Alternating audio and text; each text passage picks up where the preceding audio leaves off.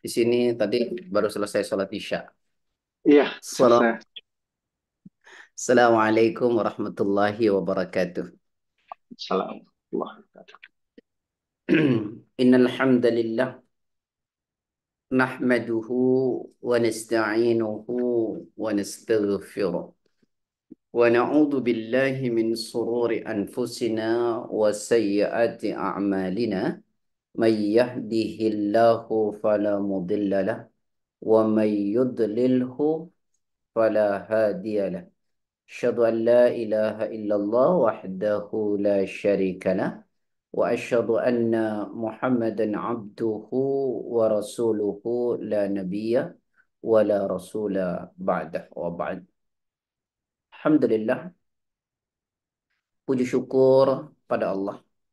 Karena sungguh atas nikmat izin serta karunia-Nya pada malam ini kita bisa bersama-sama kembali dalam kajian ini Rumah Dakwah UK.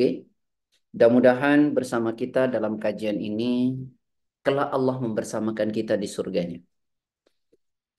Salawat dan salam semoga senantiasa tercurah kepada Rasulullah SAW pada keluarganya, sahabat-sahabatnya, pengikut-pengikutnya dan tentu kita semua yang mengikutinya.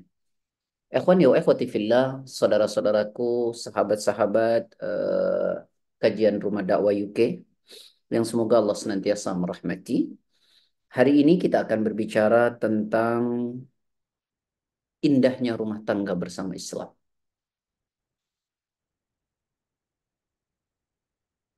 Nikah itu adalah sunnah Rasul.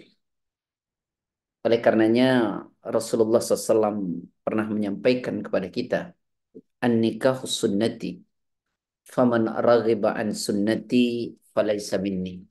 Kata Nabi, nikah itu adalah sunnahku. Siapa tidak mengikuti sunnahku, maka dia bukanlah bagian dari umatku. Jadi nikah ini adalah sesuatu yang di apa namanya diajarkan oleh Rasulullah Sallallahu Alaihi Wasallam. Bahkan uh, pernah satu kali ya terjadi kepada para sahabat yang karena mementingkan ibadah ritual sampai-sampai tidak ingin menikah dan Rasulullah menegurnya. Salah satunya dengan hadis tadi. Riwayatnya begini. Ini apa namanya terjadi di zaman Nabi. Jadi ada sekelompok orang dan dituturkan oleh sahabat Anas bin Malik. Ada sahabat yang sahabat ini sangat rakus dengan ibadah. Bukan dengan uang ya, tapi dengan ibadah. Gitu. Rakusnya itu dengan ibadah. Itu bedanya dengan saya. Kalau saya mungkin terhadap dunia, sahabat ini dengan ibadah. Ini dituturkan oleh sahabat Anas. Jadi kata sahabat Anas begini. Qala kata beliau, "Jaa thalathatu rahtin ila buyuti azwajin Nabi sallallahu alaihi wasallam." Jadi satu waktu ada tiga sahabat muda datang ke rumah-rumahnya Nabi, ke rumah-rumah istri Nabi. Uh, untuk apa mereka datang ke rumah istri-istri Nabi? Yas'aluna an ibadatin Nabi sallallahu alaihi wasallam. Mereka hendak bertanya tentang ibadah Nabi di rumahnya. Ini saking rakusnya. Mereka di masjid lihat Nabi bagaimana beribadah ditiru oleh sahabat ini. Kemudian Nabi di mana di jalan di mana beliau tiru karena ini bisa dilihat.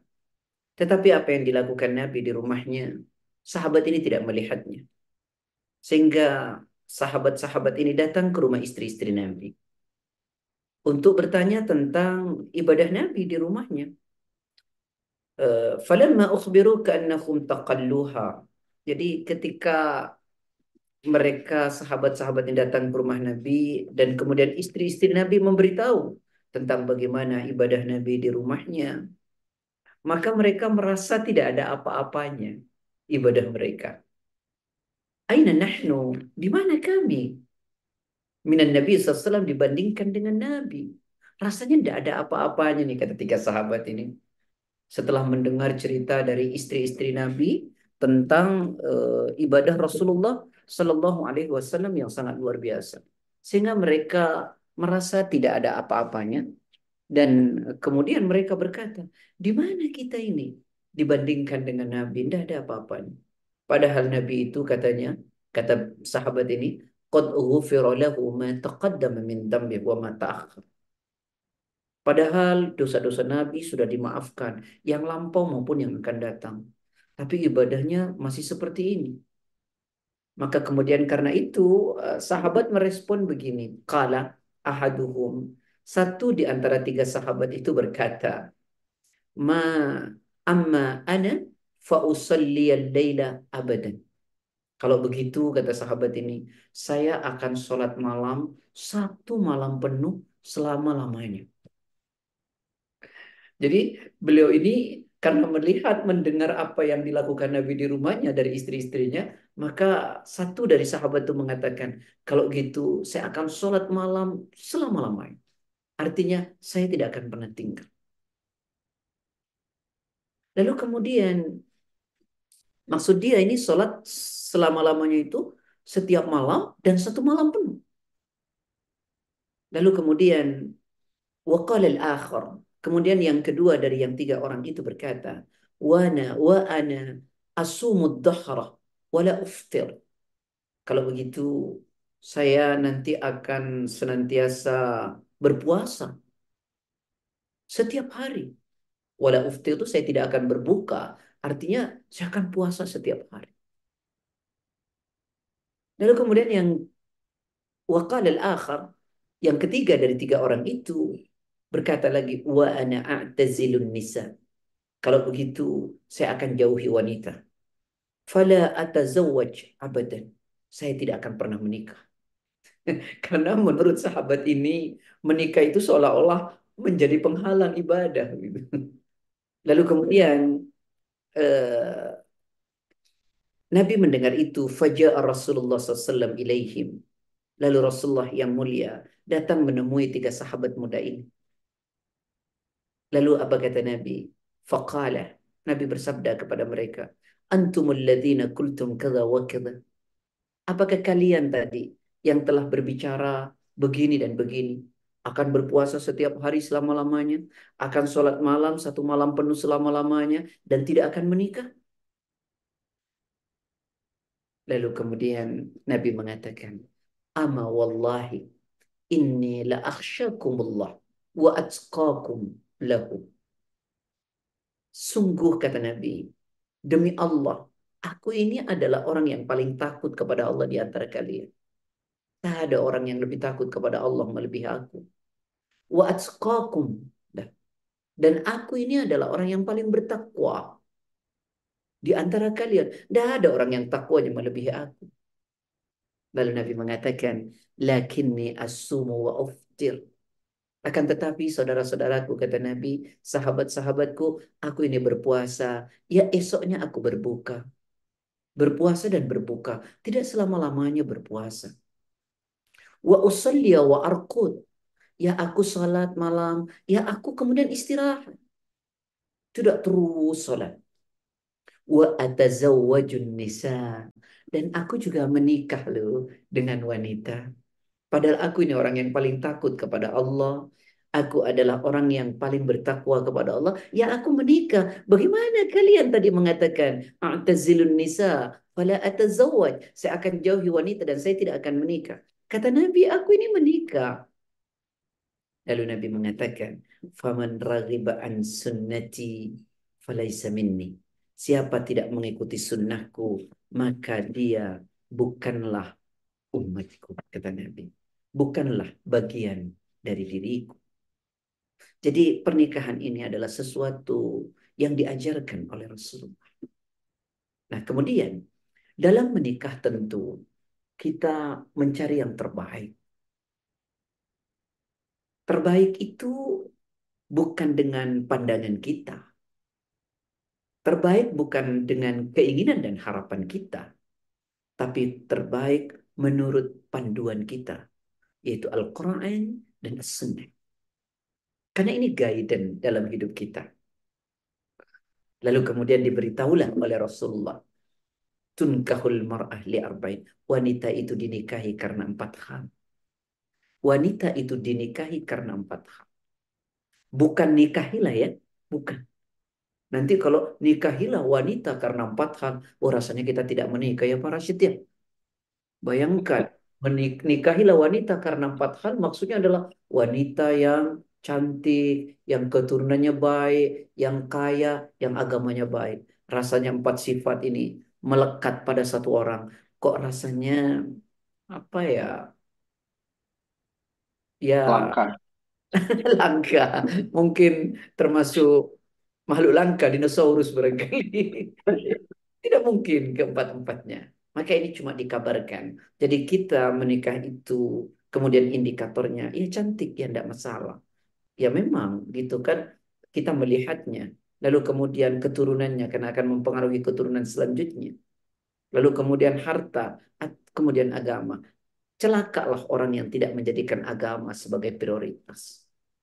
Demi Allah, kecantikan tanpa agama tidak akan pernah menyenangkan mata kita.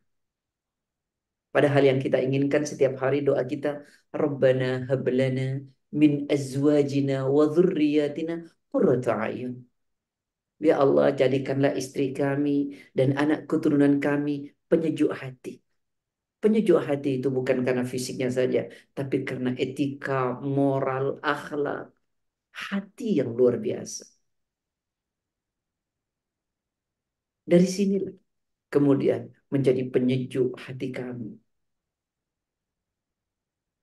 Cantik, tidak punya moral, tentu kita tidak ingin.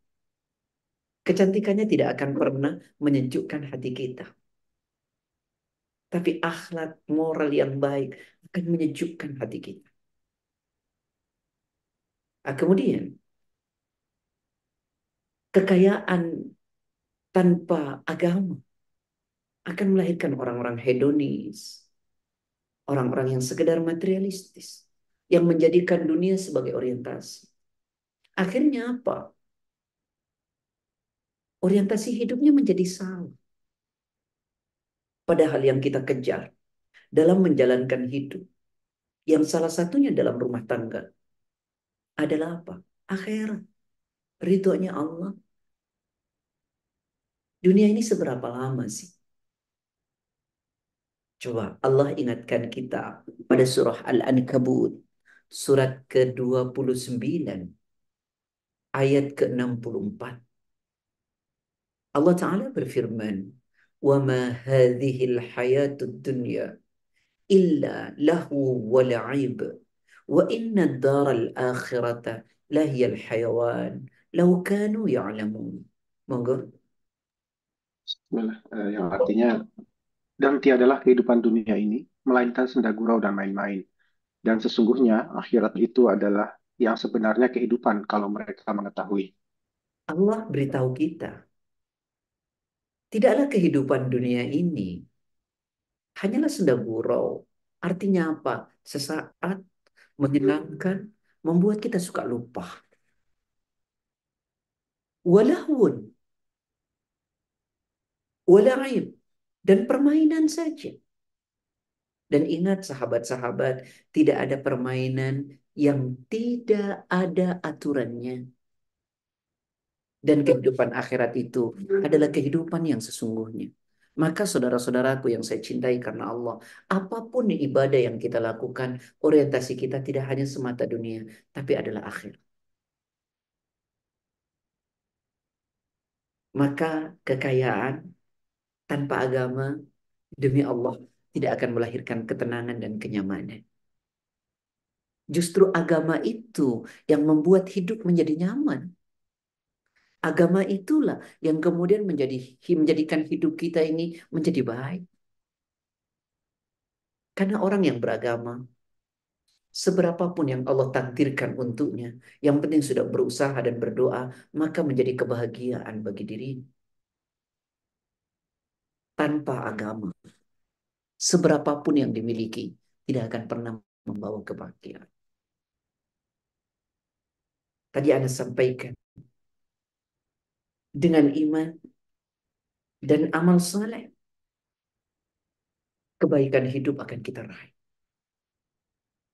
Quran surat 16 ayat 97. A'udzu billahi minasyaitonir rajim. Man 'amila salihan min dzakarin aw unsa wa huwa mu'minun falanuhyiyannahu hayatan tayyibah.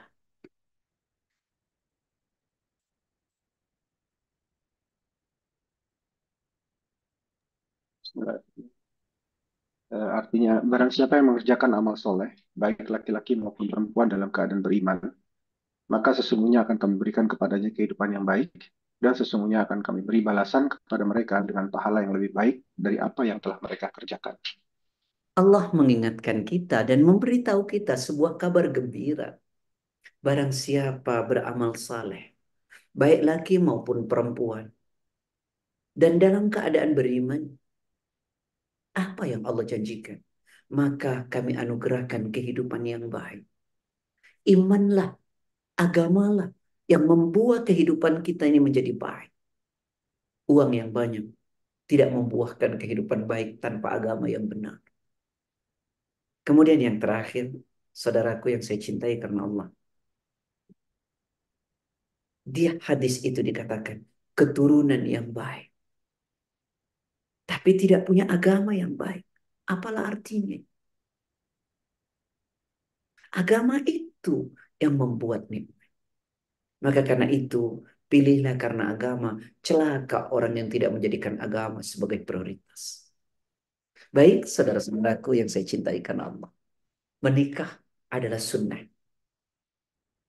Kemudian orang sering menyebutnya sakinah tenang, diikat oleh cinta penuh kasih sayang adalah harapan bagi semua orang yang menikah. Tentu jika tujuannya benar. Persoalannya bagaimana nih caranya? Agar rumah tangga indah. Agar rumah tangga ini bahagia. Agar rumah tangga nyaman. Quran datang. Nabi memberitahu dengan Quran dan Sunnah. Sebagai pedoman dalam hidup kita. Dalam hal apa pun. Termasuk dalam rumah tangga. Bagaimana kita ingin meraih kehidupan rumah tangga yang bahagia. Sebelum saya menyampaikan, saya ingin setelah kita mengetahuinya, ada kemauan kuat bagi kita untuk mengimplementasikan. Saya ulangi, setelah kita mengetahuinya nanti, maka harus ada kemauan azam yang kuat untuk mengimplementasikan. Ingat saudaraku, sahabatku yang saya cintai karena Allah. Agama tidak hanya untuk menjadi pengetahuan. Tapi agama itu bagaimana diimplementasikan. Al-ilmu bila amal. Kasyajari bila samar. Ilmu yang tidak diaktualisasikan. Itu seperti pohon tanpa buah. Karena itu saya ingin tidak menyerap dengan akal, tapi menyerap dengan hati.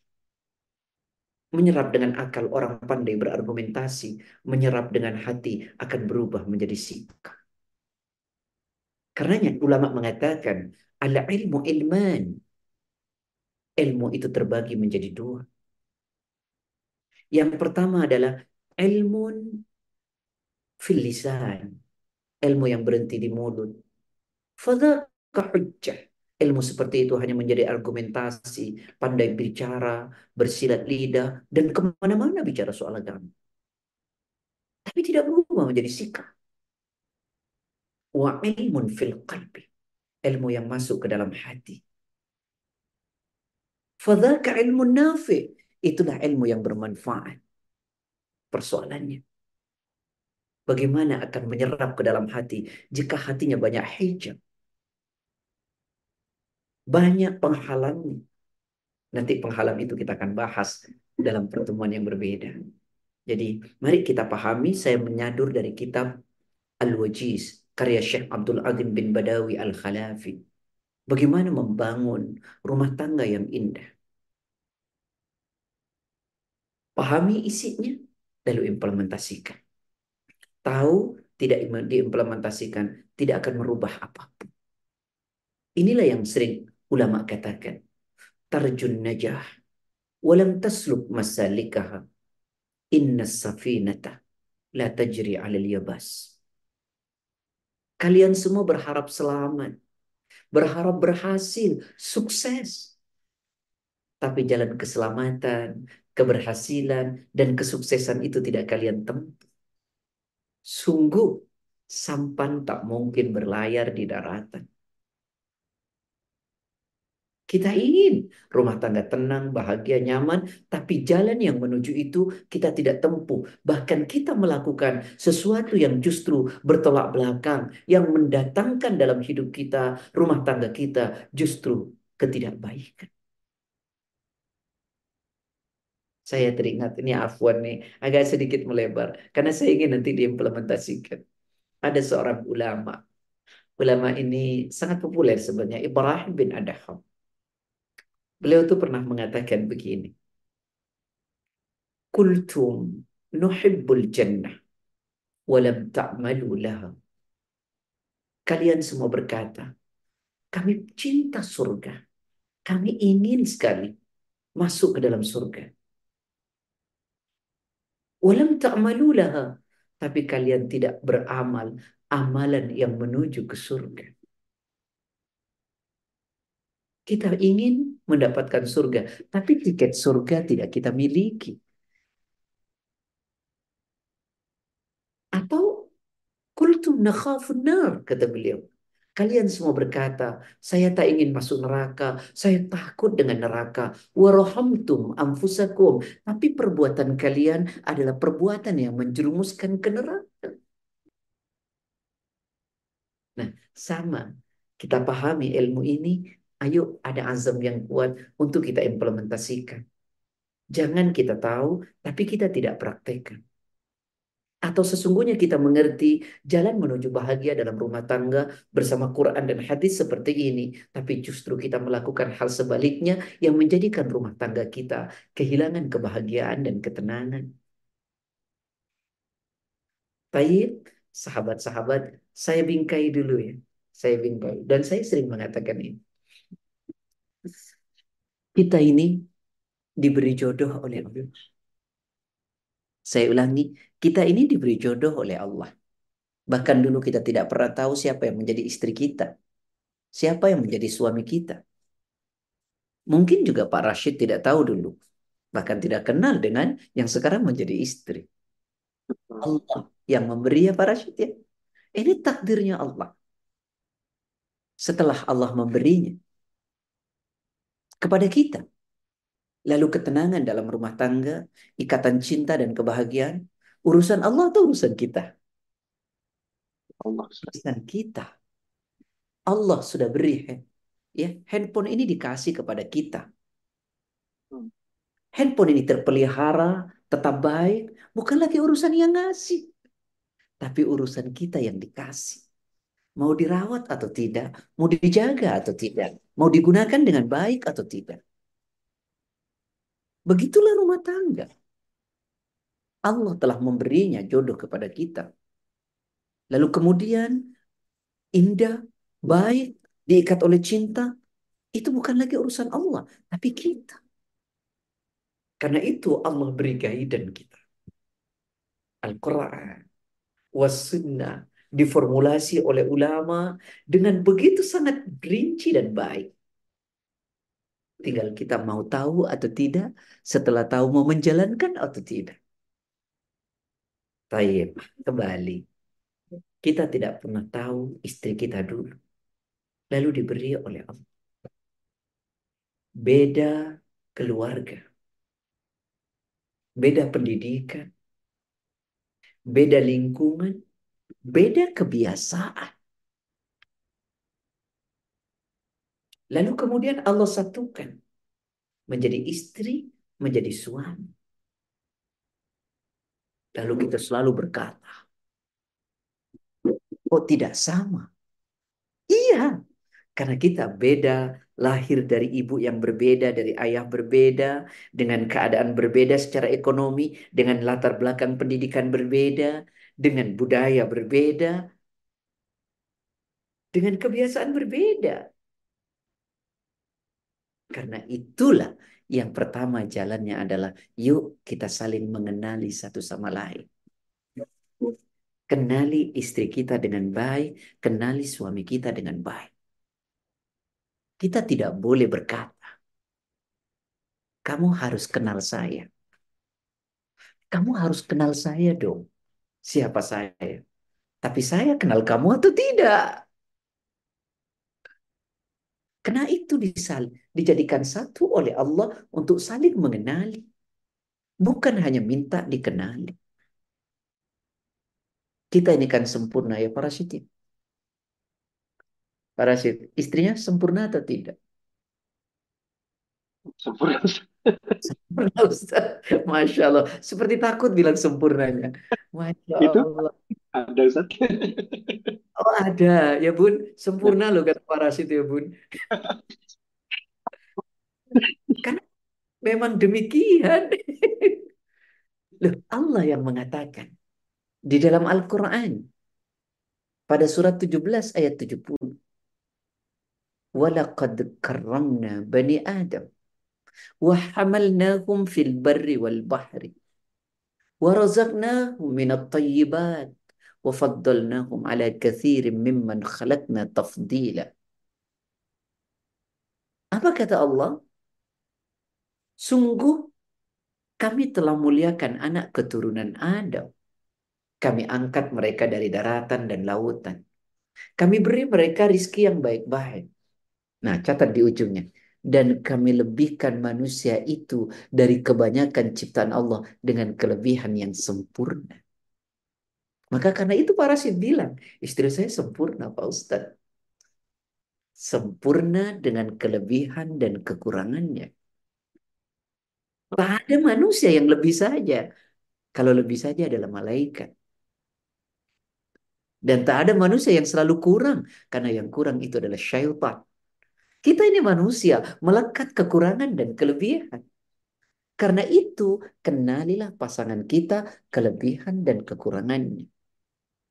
Tolong catat baik-baik, sahabat-sahabat rumah dakwah UK. Jangan kita hanya menuntut kelebihan saja dari pasangan kita. Karena sesungguhnya kita sedang memaksa pasangan kita untuk jadi malaikat.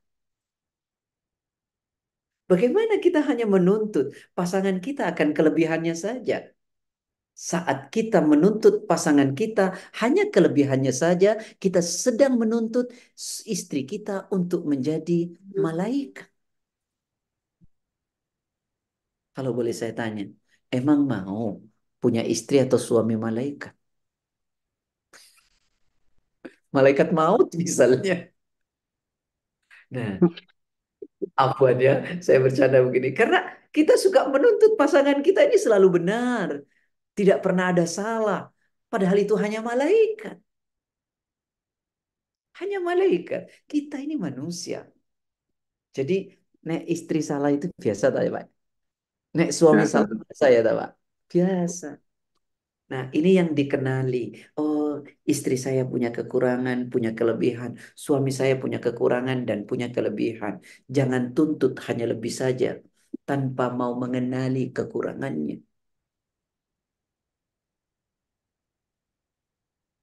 Jangan berharap hanya kelebihannya saja. Sementara Anda lupa kalau pas kita adalah manusia yang juga punya kekurangan. Nah, ini yang saya maksud. Yang pertama, yuk saling mengenal. Bahasa sederhana saya, Parasit kalau boleh tanya, Afwan nih, karena memang Parasit pembacaranya. Saya boleh tanya, Parasit orang mana? Ini? campuran Sunda Jawa besar di Jawa Barat, Ustaz. Masya Allah, orang Sunda. Kalau istri? Istri Jawa, Ustaz. Jawa. Jawa Tengah, Nah, besar di Jawa Barat. Alhamdulillah itu agak mirip-mirip tuh secara Ya. eh, sikap. Nah, saya Ya. Mau saya begini, maksud saya, ayo kita saling mengenal, jangan paksa istri kita yang orang Medan seperti orang Solo. Kenapa?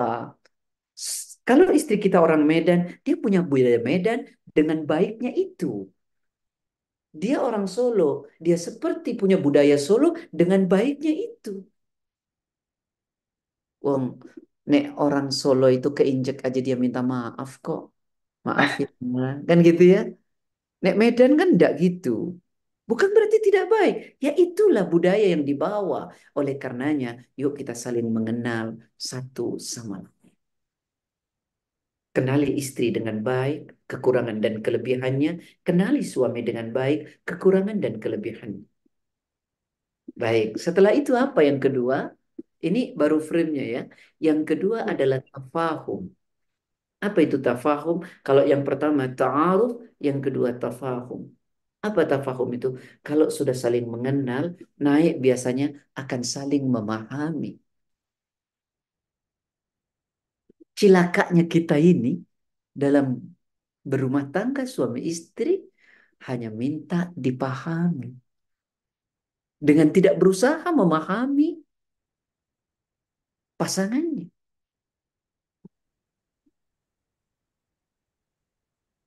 Kamu mesti paham dong saya. Masya Allah. Iya saya berusaha paham. Tapi kapan kamu paham tentang pasanganmu?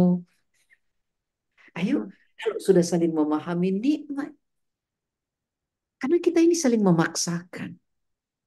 Kenapa itu terjadi? Karena kita saling mengenal. Dari tidak saling mengenal itu, tidak mungkin akan terjadi saling memahami satu sama lain. Bagaimana istri paham suami, bagaimana suami paham akan istri. Nikmatnya rumah tangga itu. Oh iya ya, kalau suami saya baru pulang, saya tidak boleh begini, tidak boleh begitu. Oh iya, kalau istri saya sedang seperti ini, saya tidak boleh begini, tidak boleh begitu. Itulah indahnya rumah tangga. Ketika terjadi saling memahami. Dan itu tidak akan pernah tercipta jika tidak saling mengenal satu sama lain.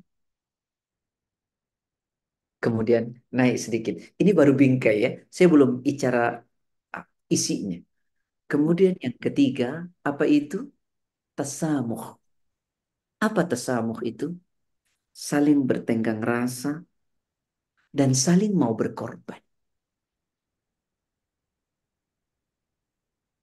Catat ya, bukan saling mau mengorbankan. Itu kan yang terjadi. Tapi saling mau berkorban. Sederhananya adalah, apa sih sulitnya?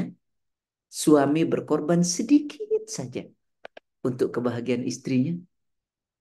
Dan apa beratnya istri berkorban sedikit untuk kebahagiaan suaminya jika yang ada di dalam pikiran kita saling mau berkorban untuk memberikan kebahagiaan pada pasangan kita hidup begini. Saya capek pulang kerja. Kok istri ngajakin keluar ya? Ya apa sih? Ya sudahlah. Yang penting istri bahagia. Istri mungkin capek sekali di rumah bekerja seharian. Suami pulang, ya berkorbanlah pasang senyum. Jangan karena capek, lalu raut wajahnya kemudian merengut, padahal suaminya pulang dalam keadaan capek dan lelah.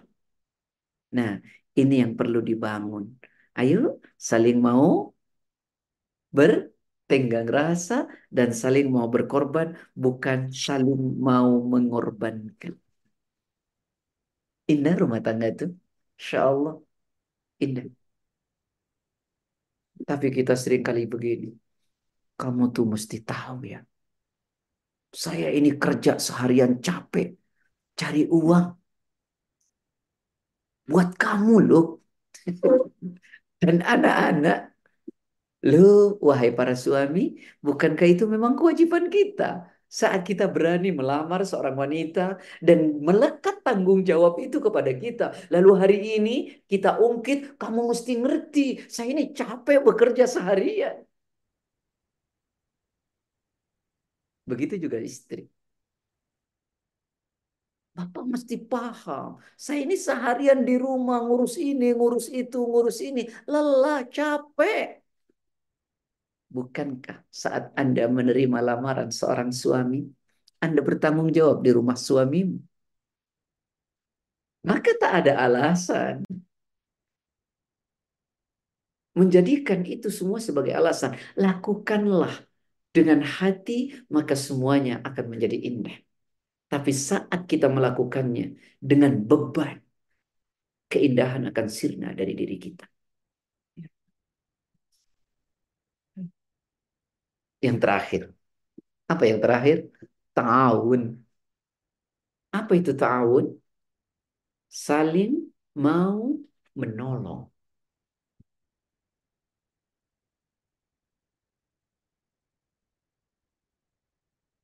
Istri kita punya kekurangan. Lalu oleh Allah disandingkan dengan kita. Dan kita punya kelebihan.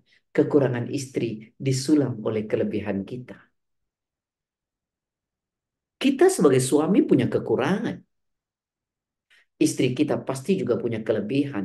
Maka sulamlah kekurangan suami dengan kelebihan istri. Kenapa Allah satukan? untuk saling menutupi kekurangan, bukan untuk mengangkat kekurangan menjadikan sebuah alasan negatif. Kan yang sering terjadi, kita sering mengangkat kekurangannya untuk alasan-alasan tertentu. Ingat loh, Allah jodohkan untuk saling menutupi loh kekurangannya.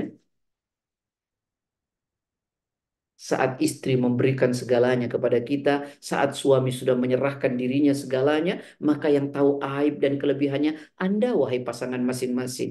Karenanya lah, yuk sulam kekurangan pasangan kita dengan kelebihan yang kita miliki. Itulah indahnya rumah tangga. Dan pasti ada perbedaan. Justru perbedaan itu indah ya Pak ya. Kalau nggak ada perbedaan tidak ada indahnya. Orang sering bilang, saya sering ketawa Pak. Kalau orang bilang gini, kok cerai sudah tidak ada kecocokan. Saya cuma mau tanya, memang ada manusia yang cocok? Sama? Enggak. Istrinya pendiam, suaminya pendiam. Itu kayak disebut cocok. Oh itu lama-lama rumahnya jadi kuburan karena gak ada yang ngomong. Justru perbedaan ini disatukan. Pelangi itu indah karena perbedaan. Saya sering kasih contoh ini mohon maaf ya. Ini contohnya tidak baik. Cuman agar mudah memahami saja. Bukan berarti saya kemudian menghalalkan ini. Jangan salah paham. Misalnya grup band. Di sana suara drum. Ada suara bass. Ada suara apa lagi? ada suara gitar, ada suara piano. Itu kan berbeda-beda itu suara. Tapi jika dimainkan oleh orang yang mengerti, maka akan menimbulkan simponi indah. Tapi dimainkan oleh orang yang tidak mengerti, akan gaduh, pecah telinga kita. Nah, begitu perbedaan dalam rumah tangga dijalankan dengan ilmu agama, kita tahu caranya, maka akan terjadi keindahan yang disebut sakinah mawaddah.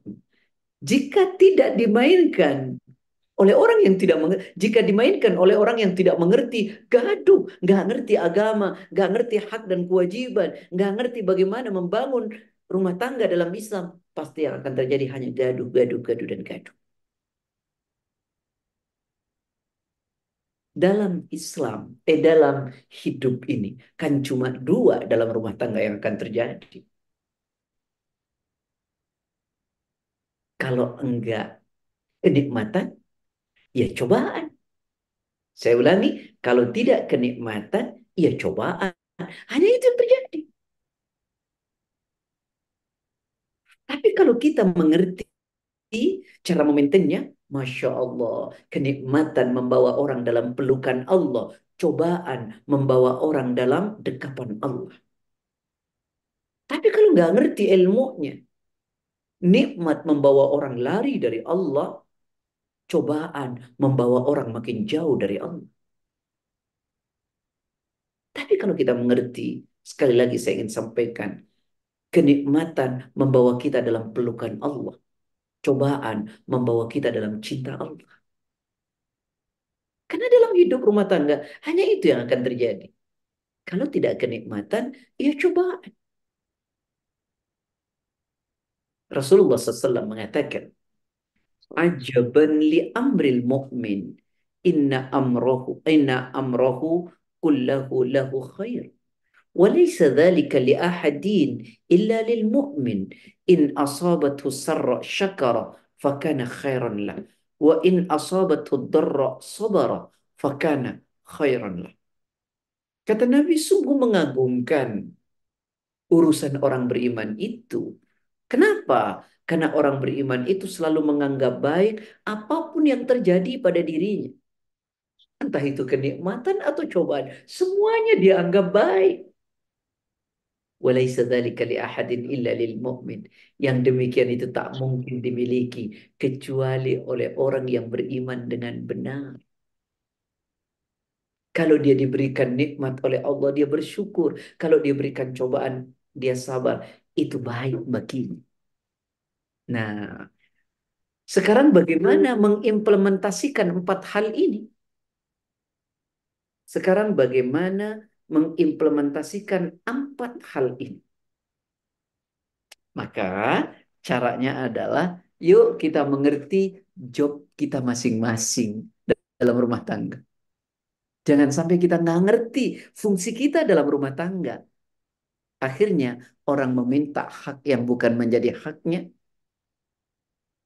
Orang tidak memenuhi kewajiban yang seharusnya menjadi kewajibannya. Nah, karena itu kita masih tahu. Kan di kantor juga gitu ya Pak ya.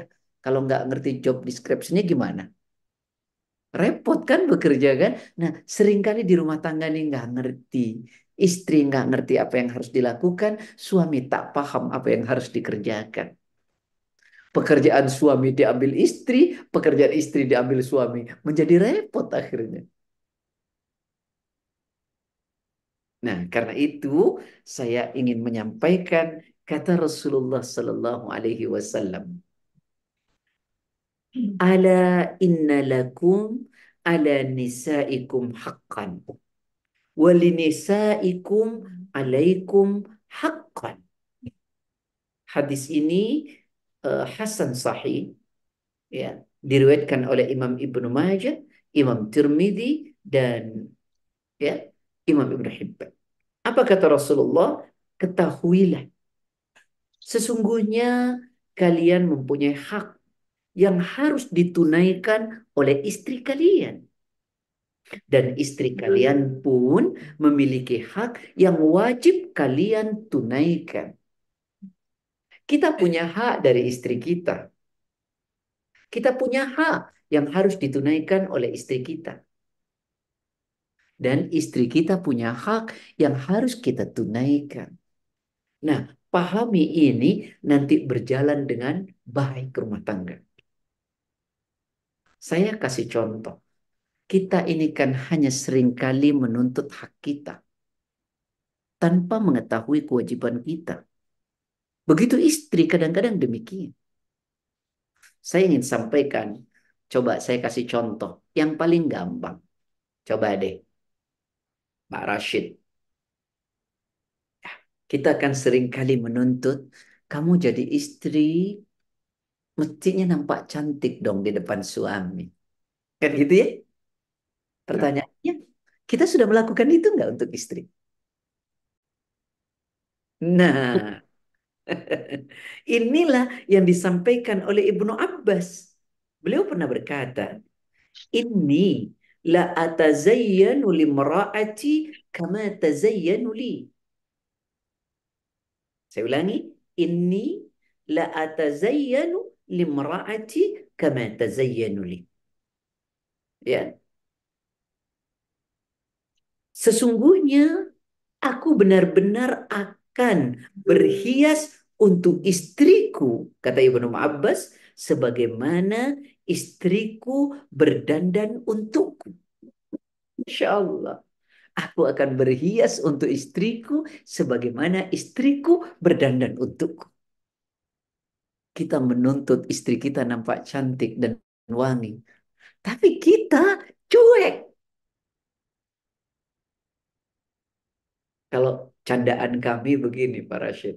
Kita tuntut istri kita pakai minyak wangi, kita al jengkoli wal petei. Ini kan gitu. Ya, kita menuntut pasangan kita wangi dan cantik, tapi kita tidak memperhatikan itu. Nah, ini yang sering kali menjadi persoalan. Ya. Nah, ikhwani wa ikhwati sahabat-sahabat yang saya cintai karena Allah. Ya. Karena itu, ayo tunaikan hak masing-masing. Nah, saya akan mulai dari kita sebagai seorang suami. Ya, dari kita sebagai seorang suami. Saya ingin menyampaikan uh, bisa direnungkan dengan baik apa yang ingin saya sampaikan ini. Begini, ikhwani wa ikhwati fillah. Kita sebagai seorang suami yang pertama kali mesti kita lakukan. Apa itu? Mengajarkan istri kita agama yang benar. Kalau kita tidak cukup ilmu, maka apa yang harus kita lakukan? Izinkan istri kita untuk mengikuti kajian. Karena itu menjadi beban kita. Jangan sampai kemudian nanti istri kita komplain kepada Allah. Ya Allah, aku seperti ini karena suamiku tidak mengajarkan aku. Lalu anak kita juga bilang sama Allah, ya Allah aku seperti ini karena ayahku tidak peduli untuk mendidik aku ya Allah. Jangan sampai komplain itu terjadi. Karena saat kita menikahi seorang wanita, maka melekat kewajiban bagi kita untuk menjaga istri kita dari sentuhan api neraka. Dengan apa kita menjaga itu? Dengan pemahaman agama. Coba buka surat At-Tahrim ayat ke-6. Ya ayyuhalladzina amanu ku anfusakum wa ahlikum nara. Monggo. Bismillah. Hai orang-orang yang beriman peliharalah dirimu dan keluargamu dari api neraka yang bahan bakarnya adalah manusia dan batu. Penjaganya malaikat-malaikat yang kasar, yang keras, dan yang tidak mendurhakai Allah terhadap apa yang diperintahkannya kepada mereka, dan selalu mengerjakan apa yang diperintahkan. Ya ayyuhalladzina amanu, wahai orang-orang yang beriman, ku anfusakum, jagalah diri kalian. Wa ahlikum dan keluarga kalian istri kita, anak-anak kita. Dari apa? Naro, dari sentuhan api neraka. Maka kalau demikian, berikan mereka pemahaman agama. Agama itulah yang mengajarkan agar tidak tersentuh api neraka dan kemudian berada dalam ridhonya Allah. Dalam satu hadis dijelaskan Rasulullah mohon maaf uh, bukan hadis ini ya. Ada ungkapan ulama namanya ad-dahaq ya. Dalam Tabari tafsir Tabari. Beliau mengatakan hakun alal muslimi. Berkenaan dengan ayat tadi itu hakku alal muslimi ayyu allima ahlahu min kurabatihi wa imaihi wa abidih ma faradallahu alaihim wa ma nahahumullahu anhu. Hakul hakul alil muslim. Hak atas muslim atau menjadi kewajiban seorang muslim ayu alima ahla untuk mengajarkan keluarganya kewajiban bagi kita seorang suami untuk mengajarkan keluarga kita, setidaknya istri kita dan anak kita. Min kurabati termasuk kerabat-kerabat kita. Wa imaihi wa abidi sampai kepada hamba sahaya laki-laki maupun perempuan. Itu kewajiban kita untuk mengenalkan agama kepada mereka. Mengajarkan kepada keluarga kita, kerabat kita, sampai hamba sahaya kita. Tentang apa? Ma faradallahu alaihim. Apa-apa yang diwajibkan oleh Allah kepada mereka.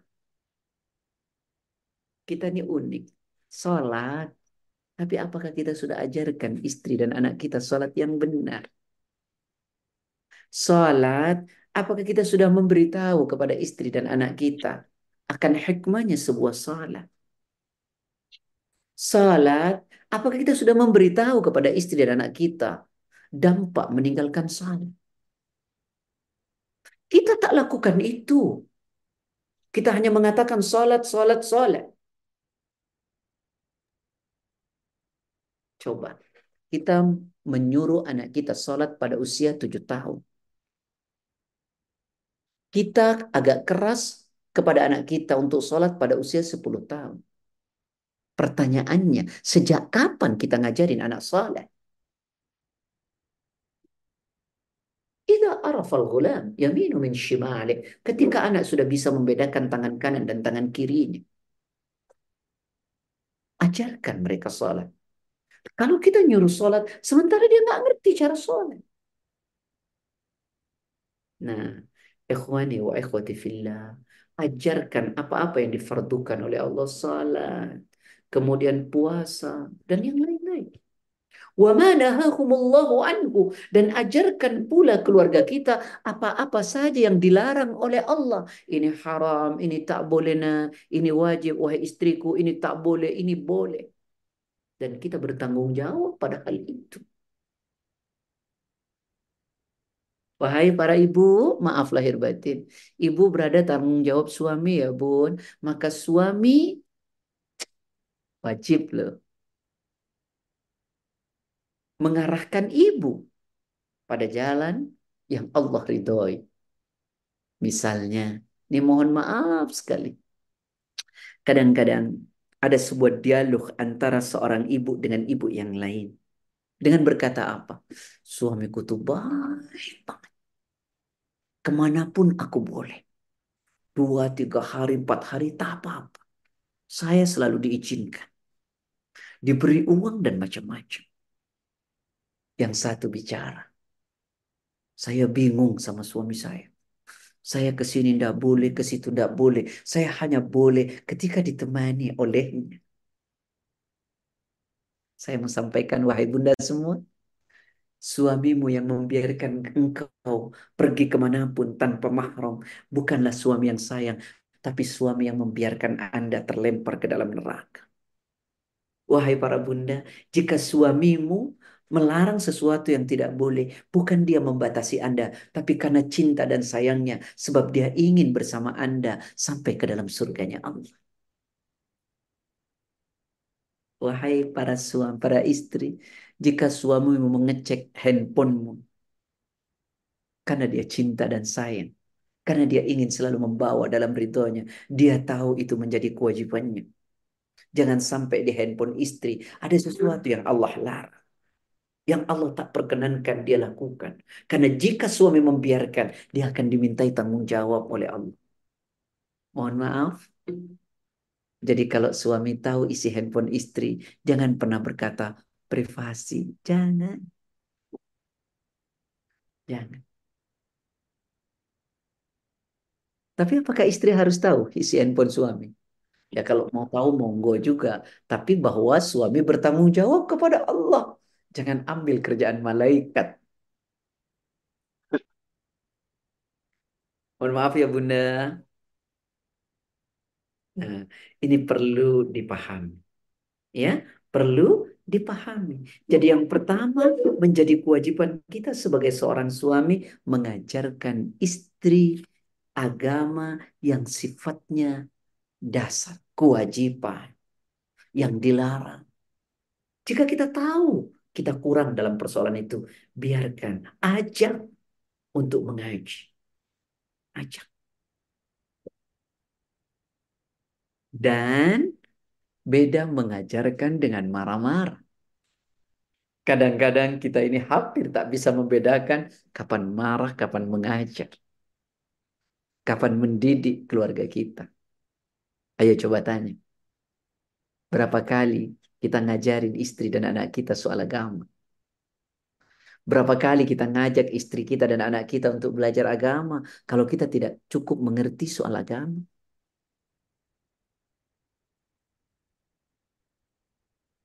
Seminggu sekali? Dua minggu? Kita menuntut istri kita saleh, anak kita saleh, tapi tak kenalkan agama kepadanya. Kita berdoa kepada Allah agar anak kita, istri kita enak dipandang mata. Tapi tak ada usaha buat kita untuk mengajarkan mereka agama. Sekali lagi, saya ingin sampaikan, ajarkan agama bukan marah. Kadang-kadang kita ini marah saja, tapi kita nggak ngajarin. Saat dia salah, kita maki-maki. Kita kita marah. Padahal kita tidak memperkenalkan dia soal agama yang benar. Karena itu bagaimana? Ketika kita diajarkan untuk menasehati seorang istri, bagaimana kata Rasulullah sallallahu alaihi wasallam?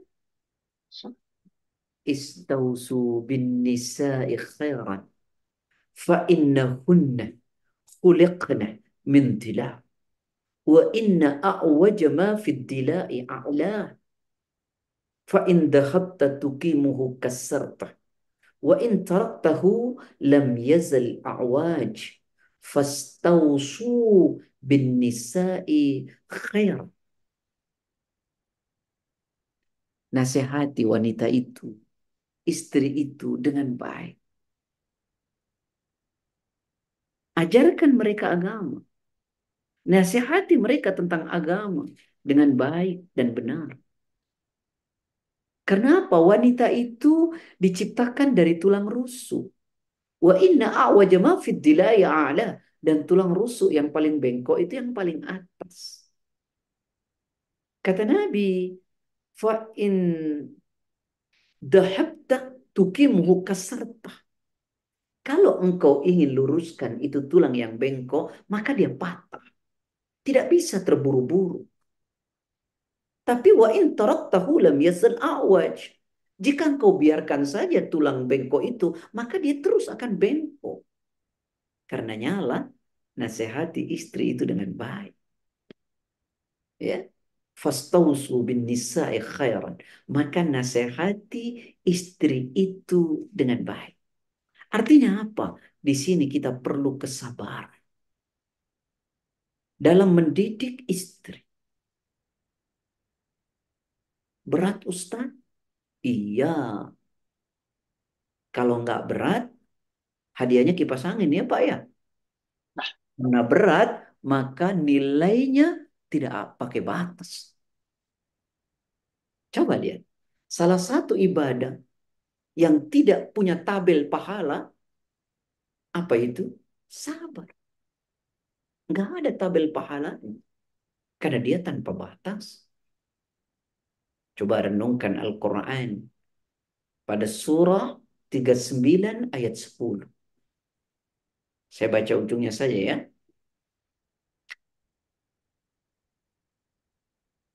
Surat Az-Zumar ayat 10. Innama yuwaffas sabirun ajrahum bighairi hisab. Monggo. Dari awal, eh, katakanlah hai hamba-hambaku yang beriman. Bertakwalah kepada Tuhanmu. Orang-orang yang berbuat baik di dunia ini memperoleh kebaikan dan bumi Allah itu adalah luas. Sesungguhnya hanya orang-orang yang bersabarlah yang dicukupkan pahala mereka tanpa batas. Sesungguhnya orang-orang yang bersabarlah yang pahalanya dicukupkan oleh Allah tanpa batas. Salat itu mudah saudaraku dan semua orang bisa lakukan.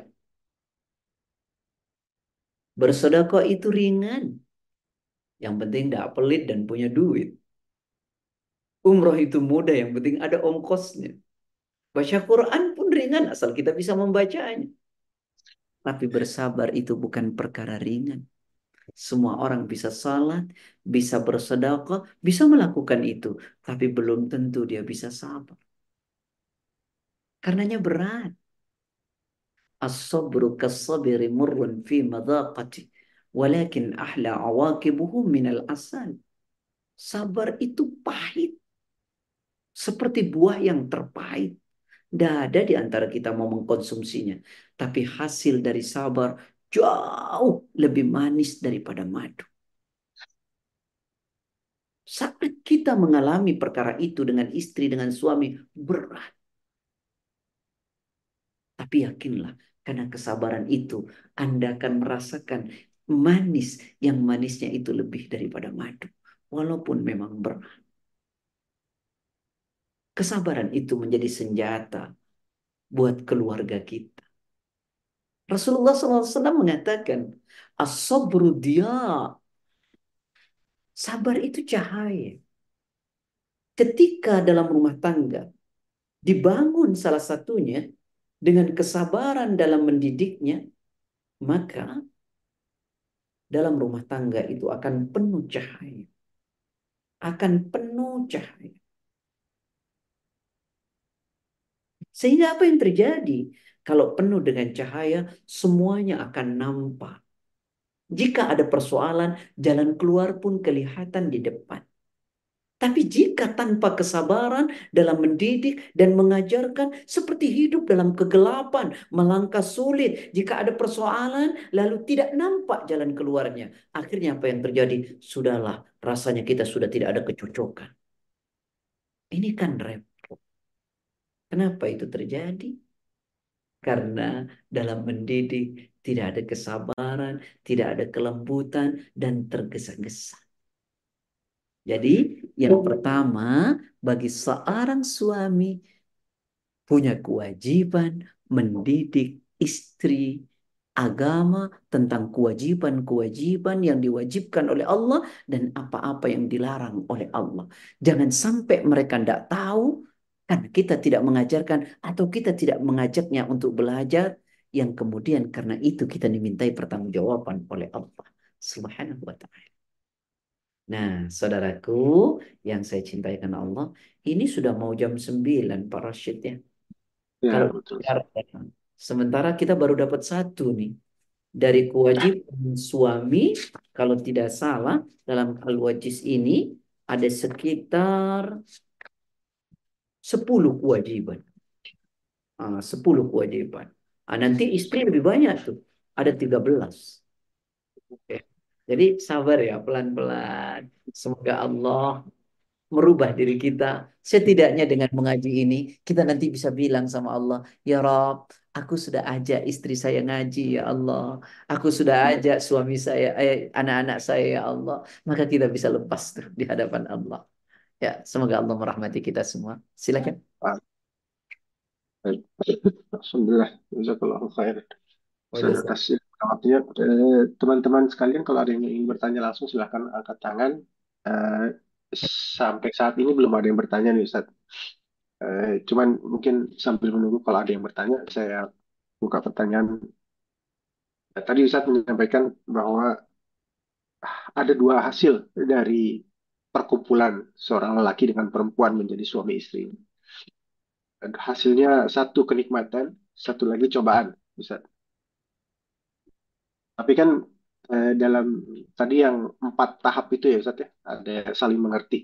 Ini kalau yang satu mengan- me- yang yang laki atau yang perempuan menganggap wah nikmat nih istri saya punya istri ini, sementara istrinya menganggap ini cobaan nih punya suami ini. Itu gimana nih Ustaz? Cara menyatukannya nih Ustaz. Ya udah, kalau gitu gini kan aja Pak. Buka Quran surat 7 ayat 168. Saya baca وَبَلَوْنَاهُمْ بِالْحَسَنَاتِ وَالسَّيِّئَاتِ لَعَلَّهُمْ يَرْجِعُونَ. Allah uji manusia itu dengan yang baik-baik dan yang buruk-buruk agar mereka kembali. Nah, mungkin dia menganggap ini baik suami saya, tapi ini ujian loh buat saya karena kebaikan juga ujian gitu loh. Istrinya nah. ini begini loh, ya ujian buat saya. Enggak apa-apa, Pak, enggak apa-apa.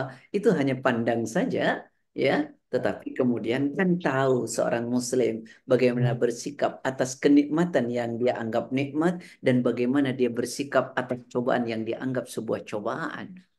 Saya katakan tadi, Berdasarkan hadis tadi dari Abu Yahya Suhaib ibn Sinan radhiyallahu anhu qal qala Rasulullah sallallahu ajaban li amril mu'min inna amrahu kullahu lahu khair wa laysa dhalika li ahadin illa lil mu'min in asabathu sarra syakara fakana khairan lah wa in asabathu dharra sabara fakana khairan lah. Mengagumkan loh orang beriman itu karena setiap urusannya selalu dianggap baik.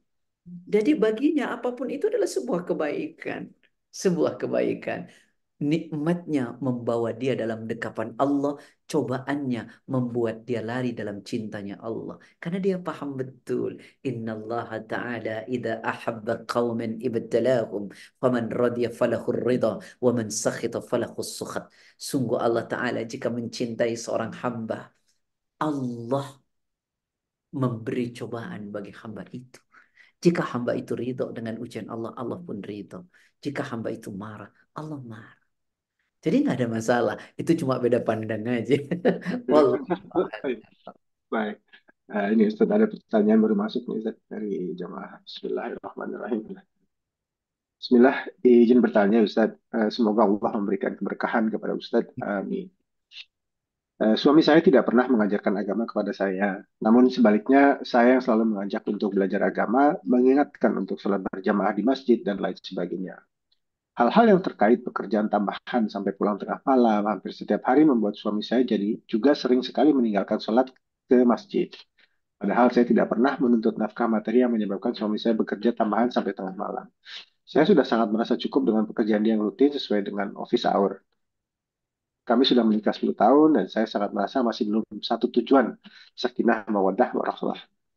Saya sudah berusaha mengingatkan selama 10 tahun ini dari cara yang paling halus sampai terkadang saya hilang kesabaran juga Ustaz. Apakah yang bisa saya lakukan Ustaz? Jazakallahu khairan. Bunda yang dirahmati oleh Allah Subhanahu wa taala. Islam tidak berorientasi pada hasil Bunda. Tapi Islam berorientasi pada proses.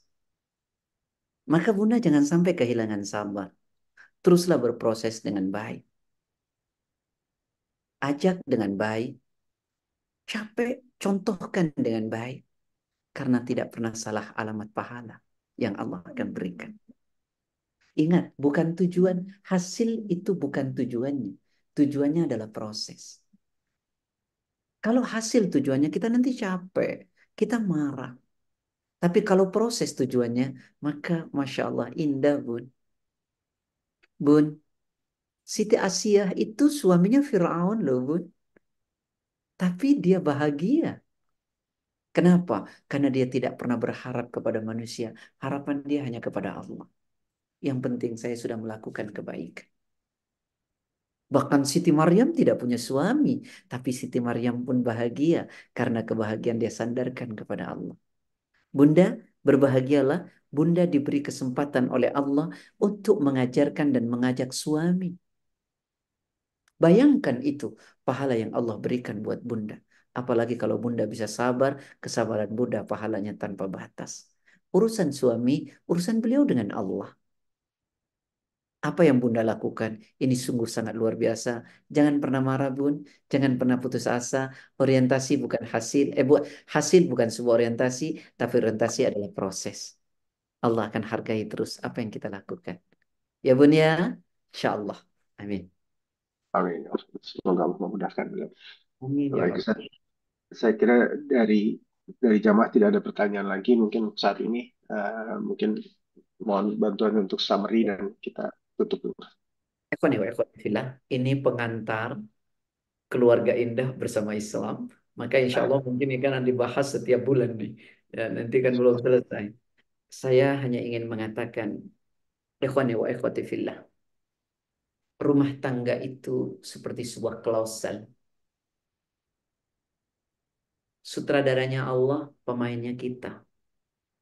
Kalau kita ingin jadi pemain terbaik dan menghasilkan sebuah klausel yang baik, ikutilah skenario Allah. Apa skenario-nya? Al-Quran was sunnah. Dengan pemahaman para ulama. Di sanalah tuntunan itu agar kita menjadi rumah tangga yang keren, rumah tangga yang baik, dan kita menjadi pemain terbaik nanti di hadapan Allah. Semoga Allah merahmati kita semua. dan Allah memberikan hidayah, keberkahan buat keluarga kita. Demikian dulu yang dapat saya sampaikan. Semoga Allah merahmati kita. Assalamualaikum warahmatullahi wabarakatuh. Waalaikumsalam warahmatullahi wabarakatuh. Sekali lagi jazakallahu khairan Ustaz atas ilmu dan waktunya. Mari kita tutup bersama dengan kafaratul majelis. Subhanakallahumma wa bihamdika asyhadu an la ilaha illa anta astaghfiruka wa atubu ilaik. Insyaallah kita bertemu kembali di kajian berikutnya. Kami dari pengurus mohon maaf jika ada kesalahan baik dalam sikap maupun perkataan. Wabillahi taufiq wal hidayah. Wassalamualaikum warahmatullahi wabarakatuh.